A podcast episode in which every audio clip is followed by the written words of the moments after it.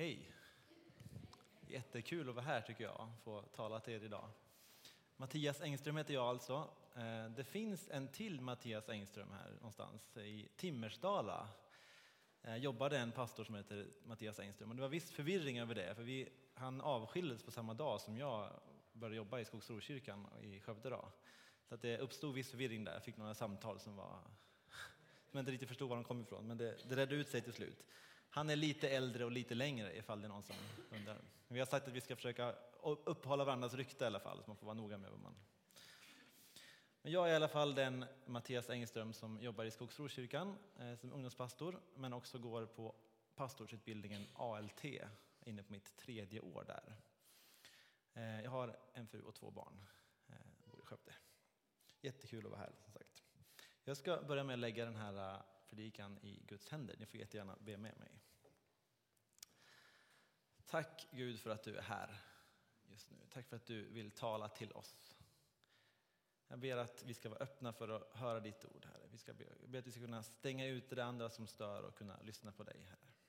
Jag ber att det som är från dig ska landa i våra hjärtan och det som inte är från dig ska försvinna. I Jesu namn. Amen. Idag så vill jag tala till er om det som kanske är Jesus mest kända tal, Jesus kanske mest kända predikan. Den som kallas för bergspredikan. Och då har vi ett sånt här stående skämt på ALT, på pastorsutbildningen där. För många av våra lärare kommer från Småland. Och säger man bergspredikan, om man kommer från Småland, då blir det bergspredikan, så blir det bajspredikan istället. Väldigt roligt, väldigt mogna elever på den här, på den här skolan ska vi tala om bergspredikan idag. Då. Och man vet inte riktigt vilket berg som Jesus talade på när han predikade den här predikan. Men man vet att han valde ett berg, för det står så i texten, och antagligen gjorde han det för att det var praktiskt. För att det var lätt att höra, tala till många människor på det sättet. Ibland när man lyssnar på eh, människor som talar om Gud så kan man få känslan av att det kan vara svårt att få höra Gud tala. Men jag tror att Gud är en sån praktisk Gud. Han väljer gärna han vill, han vill tala till oss och han väljer att tala till oss där vi är. Eh, och han, man behöver inte kämpa för det, han vill, vill tala till oss. Framförallt genom hans ord har han talat till oss. Men Gud är gärna så praktisk. Och i den här kanske mest kända predikan så är Jesus också väldigt praktisk och talar till, om, talar till oss om hur vi bör leva våra liv. Och den delen av den här predikan då, som vi ska titta på idag, den är den som kanske väcker mest frågor. Den kanske mest kända påståendet som Jesus gör och kanske det som väcker mest frågor också. I Matteus 5, 38-39 står det så här. Ni har hört det sagt, öga för öga och tand för tand. Jag säger er, stå inte emot den som är ond. Om någon slår dig på din högra kind, Vänd då andra kinden mot honom. Och jag tror att alla som läser här och tänker medan man läser kommer ha en del kluriga frågor med sig. Betyder det här att om jag ser ett brott som håller på att utföras, ska jag då inte stoppa det? Ska jag låta det ske? Om någon bryter sig in i mitt hus och jag upptäcker dem på natten, ska jag då inte försöka ringa polisen utan istället gå och visa dem var de bra sakerna finns? Borde vi kanske egentligen inte ha någon polis och militär om vi ska följa vad Jesus har sagt? Är det här ett realistiskt påstående kan man undra. Är det praktiskt genomförbart? En annan fråga är, är det här förenligt med de saker som Jesus sa och gjorde? Jag menar, Jesus tog ju själv en piska och gick lös på de människorna som sålde och bytte i templet. Ni har hört det sagt, öga för öga, tand för tand. Jag säger er, stå inte emot den som är ond. Om någon slår dig på högra kinden, vänd då andra kinden mot honom. Mm. För att börja förstå det här som Jesus vill säga så får vi titta på hela den här predikan. Vad är det Jesus vill förmedla? Och då är det en central poäng som Jesus vill förmedla med den här predikan, en central idé. Och det är den här. Om inte vår rättfärdighet går längre än de religiösa ledarna på Jesu tid, då känner vi inte Gud. Vår tilltro och tillit till Gud och hans ord behöver vara större än deras, annars tillhör vi inte Guds rike. Jesus säger det tydligast i kapitel 20. För jag säger er, om inte er rättfärdighet går långt över de skriftlärda och fariseerna, då kommer ni aldrig in i himmelriket. Och för att sedan illustrera den här poängen då, så tar Jesus sex stycken exempel på vad det här, hur det här kan se ut. Sex gånger säger han så här, ni har hört vad fariseerna har sagt, men jag säger er det här istället.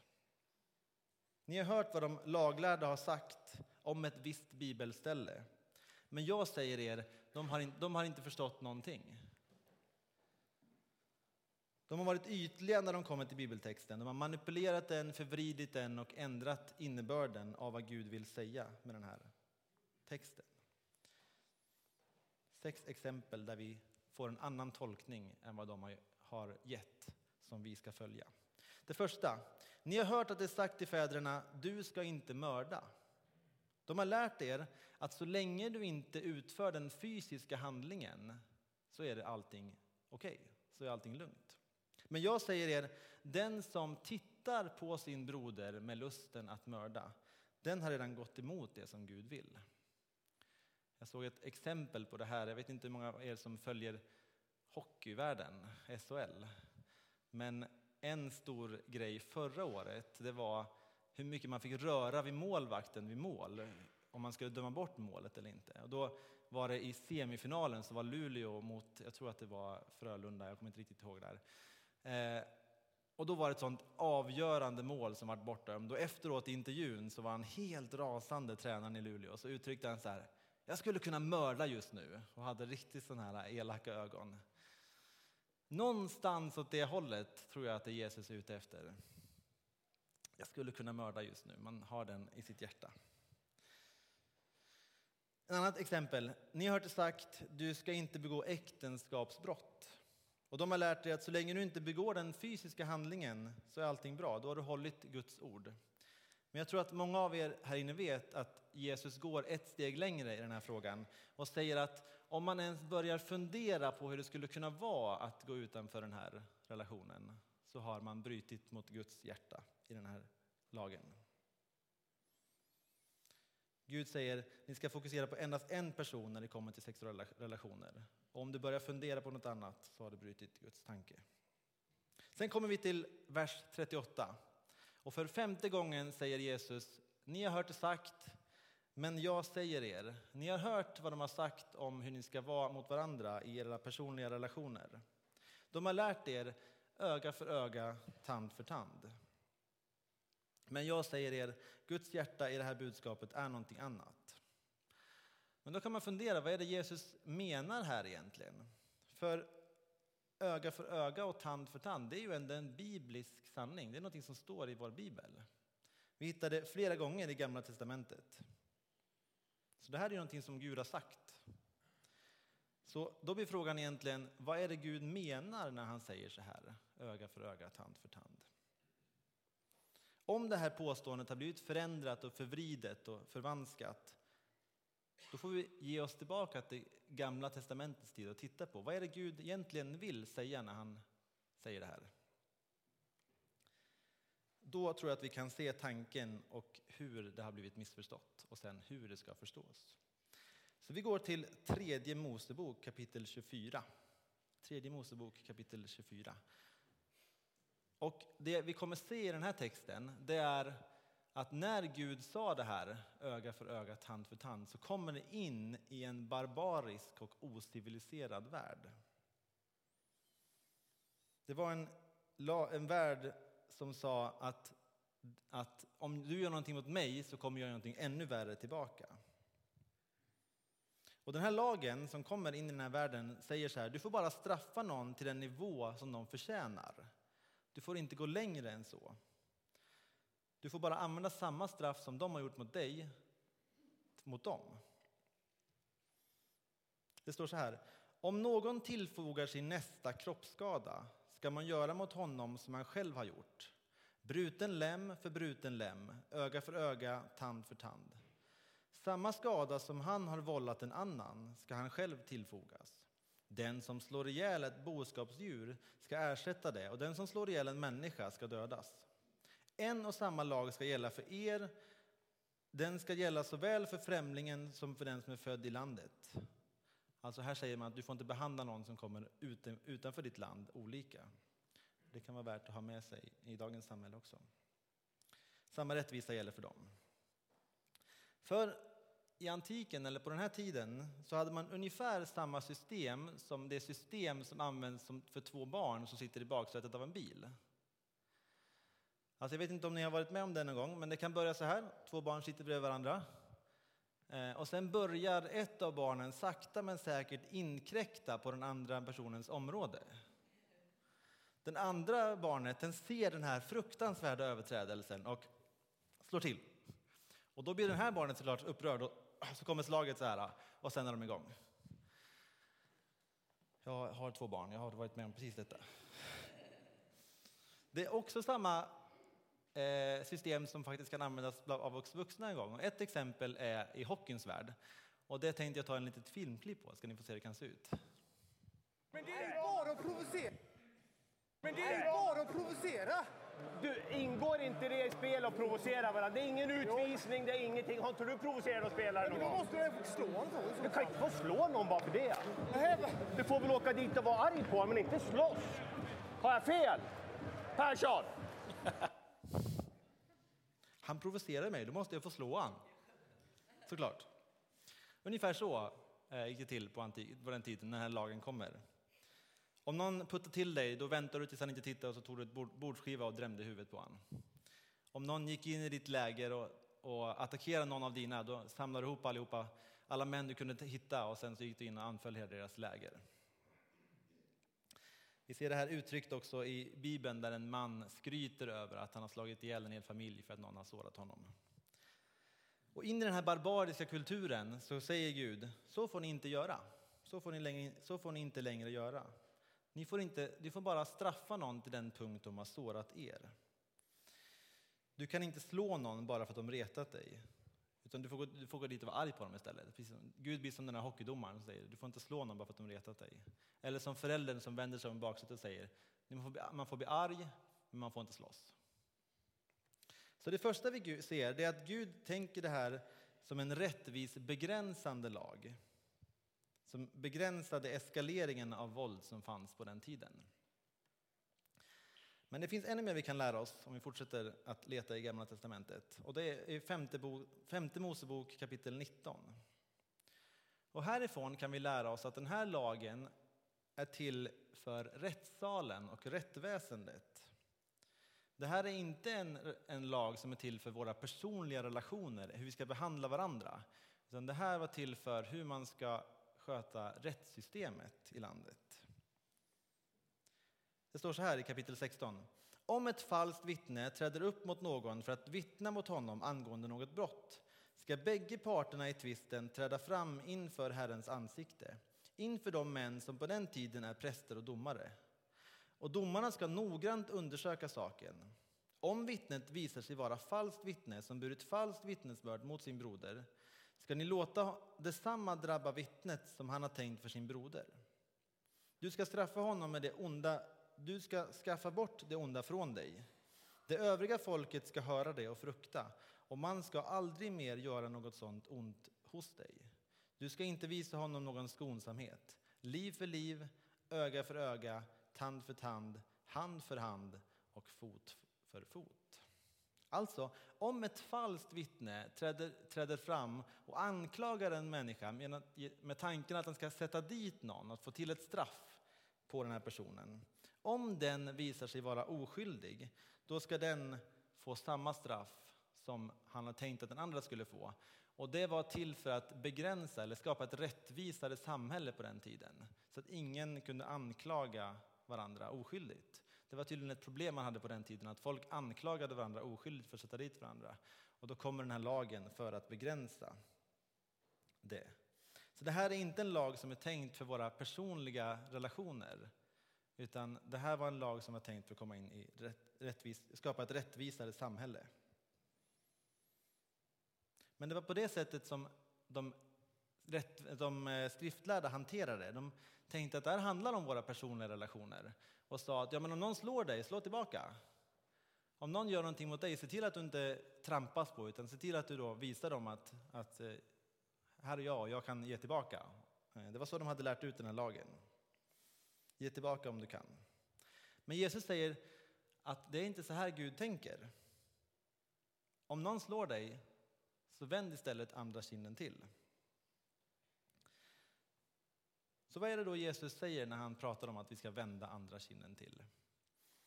Jag tänkte försöka illustrera det och jag ska få hjälp av Caroline att göra det också. Vad är det Jesus menar när han säger att vi ska vända andra kinden till? Jag är högerhänt. De allra flesta människorna är högerhänta. Eh, och om jag nu, om du tittar på mig, om jag ska slå Carro på hennes, på hennes högra kind, vilken, med min högra hand, vilken, hur ska jag slå då? Hur får jag slå då? Då får jag slå slå, eller hur? Alltså det här är inte ett slag som är menat att vara med full kraft. Då hade jag ju slagit så här. Jag ska inte göra det, jag lovar. Utan då blir det mer så. Det här är mer en, en förutmjukande handling. Tack Caroline. Jag vet inte om ni har sett det på filmen någon gång, men det är ungefär som att man tar av sig sin vita handske och sen gör man så här. Här. Mer ett förutmjukande, riktat, personligt slag. Det här är inte när Jesus pratar om det här så menar han inte att det handlar om det här allmänna våldet som vi läser om i tidningen eller som vi uppfattar i vår vardag, utan det här handlar om ett personligt riktat eh, anklagelse eller våld. Så det innebär att om du ser att någon snor en väska från någon, sträck ut eh, foten och fäll, fäll den. Eller om du ser att en brottsling, någon rånare, letar runt i ditt område och försöker hitta ett hus och stjäla, så ring polisen. För det är inte det som Jesus pratar om när han pratar om det här att vända andra kinden till. Den ondska som Jesus talar om, den är specifikt riktad mot dig. Om någon är ute efter dig personligen och vill tala om hur de känner för dig på ett eller annat sätt. Personen på jobbet eller skolan som kommer överens med alla andra men av någon anledning inte funkar med dig. De kan täcka andras skift då funkar det jättebra. Eller om, du vill, om de andra vill ta en lång lunch så går det bra. Men när du frågar, då är det inte okej okay, plötsligt. Jesus pratar om grannen som bjuder alla andra på grillfest, men du får ingen inbjudan. Eller när man spelar innebandy, som trycker till dig extra hårt i närkamperna eh, av någon anledning. Eller i familjesituationen, den här släktingen som funkar med alla andra och du funkar med alla andra. Men när det kommer till er relation så funkar det inte. Och då säger Jesus så här.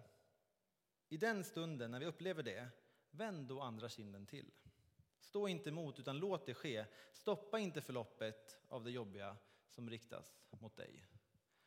Och då är vår fråga, varför i hela världen då? Varför ska jag göra det? Varför ska jag inte visa dem att jag inte är en dörrmatta som man inte kan trampa på? Varför ska inte jag visa att jag kan stå upp för mig själv? Varför ska jag låta det här ske? Varför, Gud, ska jag göra så?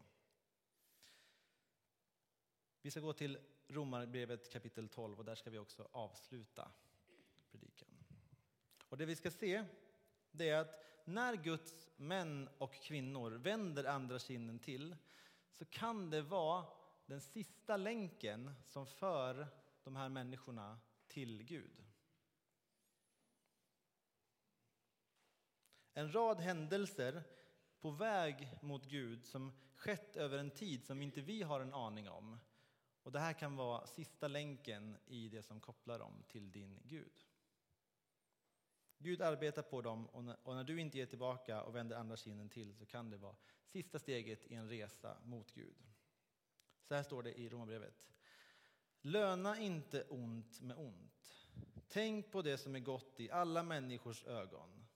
Håll fred med alla människor så långt det är möjligt och beror på er. Hämnas inte, mina älskade, utan ge rum för Guds vrede. Det står ju skrivet, min är hämnden, jag ska utkräva den, säger Herren. Men, och här kommer vårt gensvar. Om din fiende är hungrig, ge honom att äta. Om han är törstig, ge honom att dricka, alltså vänd andra kinden till. Varför? Gör du det samlas glödande kol på hans huvud. Och en del kanske undrar då, vad då brinnande kol? Vad innebär det för någonting? Och någon kanske tänker så här, aha, om vi verkligen vill vara, sätta dit en människa, då ska vi vara så otroligt snälla mot dem så de blir tokiga på oss. Jag tror inte att det är det som Paulus tänker sig här. Utan det Paulus gör här är att han citerar en bibeltext från ordspråks, Ordspråksboken som i sin tur kommer från en ritual i Egypten. Eftersom Egypten låg ganska nära Palestina så hände det sig att vissa ritualer kom in över, över gränsen och sen letade sig in i vår ordspråksbok. Och den här ritualen då, den gick till så här att om man hade gjort någonting som man sen ångrade, säg att jag hade pratat illa om en människa hela dagen och sen när jag kommer hem så tänker jag nej, det där var inte bra gjort alls. Jag måste ångra mig, jag måste visa på något sätt att folk, så folk förstår att jag gjorde fel. Den här Luleåtränaren som jag pratade om i början, han eh, kunde gå ut på Twitter och han kunde göra en officiell eh, ursäkt genom Expressen eller någon tidning. Så här. Men på den tiden hade man inte den möjligheten, man hade inte Twitter på den tiden. Utan då fick man på något annat sätt visa offentligt att jag har förstått att jag har gjort fel.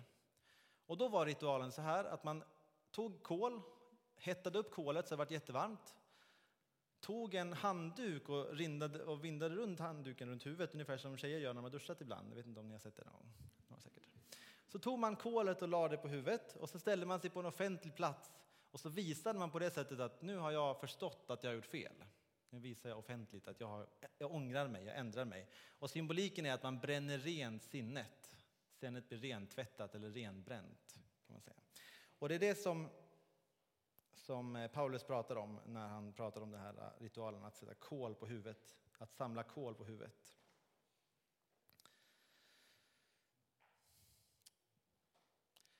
Och det här kan vara då sista länken som kopplar människan med Gud. Hur fungerar det här då? Jo, jag tror så här att när en människa har en kamp emot Gud, när Gud söker en människa, då kan det vara så att man kämpar emot. Det är jobbigt att, att ta det beslutet att, att, vända sig, att omvända sig. Men det är svårt att kämpa mot Gud. Gud är liksom osynlig, det finns liksom ingen att ta kampen mot. Utan då är det lättare att rikta kampen mot någon som tror på Gud. Alltså kampen mot Gud riktas mot någon som är kristen. Kanske blir det du som får den kampen mot dig. Gud kanske har sökt dem på olika sätt. Kanske har de läst någonting, sett en film, fått höra om Gud på något sätt. De kanske varit på ett dop i en kyrka, sett en debatt kanske mellan en ateist och en kristen. Och Gud söker dem på olika sätt. Men de kämpar emot. Och så får de kanske höra och få nys om att du är kristen. Kanske bad du en bön innan du åt din matlåda på jobbet. Kanske har du sagt någonting om din tro eller har ett kors runt kyrkan eller en fisk på din bil. Någonting som säger någonting om att du är kristen, eller så är det bara ditt sätt att vara på som får en känsla av att den här personen har att göra med Gud. Och plötsligt, utan att du vet om det, så riktas den här kampen mot dig. Och då kan du få ett slag på din högra kind. Det här kan man se i Paulus egna liv. Då kallades han Saul, som han, då, som han kallades innan han varit eh, omvänd. Eh, han övervakade avrättningen av Stefanos. Han var med när de, när de kastade sten på Stefanos. Och efter det så ger han sig iväg på väg till eh, en annan stad för att leta efter fler kristna som han kan avrätta. Men sen på Damaskusvägen så slår ett ljus honom av hans häst eh, och en röst från himlen säger Saul, varför förföljer du mig? Det är de kristna som håller på att dör. Det är de som lider. Men den här rösten från himlen, den vet vad som är det verkliga problemet hos Paulus. För Saul, han är en stolt farisé. Men om det som Jesus säger är sant, då raseras hela hans verklighet. Allt det som han har byggt upp blir obetydligt. Att han är född i rätt familj, att han har rätt position, det faller, faller isär om Jesus är den som han säger att han är. Och därför kämpar han emot allt vad han kan. Och de kristna, de får skulden för det. De får ta ut slagen för det. Men i hans efterförföljelse av de kristna så är det någon som vänder andra kinden till.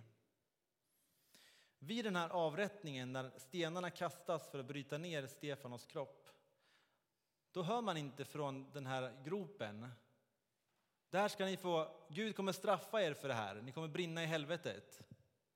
Utan det man hör från, från graven, från gropen, det är Låt inte det här som de gör mot mig vändas mot dem. Gud, låt inte detta räknas emot dem.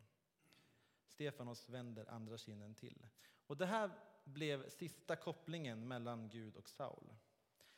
En tid senare möter, möter han Gud som har sökt efter honom och han säger, då säger han Herre, vad vill du att jag ska göra? Så kontentan blir så här. Om någon gör någonting emot dig, om någon är ute efter dig, så långt det är möjligt, kämpa inte emot med den ondskan, utan absorbera den, be för de människorna och lita på att Gud, Jesus beskyddar dig och lämna det till Gud. För det här kan vara sista länken som kopplar de människorna som är ute efter dig, som egentligen kämpar mot Gud, med den guden.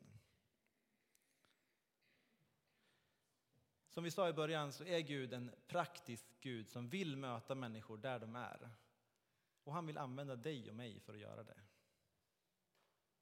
Jag avslutar med en bön. Tack Gud för att du är med oss. Tack för att du har dragit oss ur eh, gyttjan, Herre. Tack för att vi ska få vara människor som får peka på dig i alla situationer. Jag ber att du ska hjälpa oss och styrka oss där vi befinner oss. I Jesu namn. Amen. Vi kommer att fortsätta med musik och det finns tillfälle för förbön. Och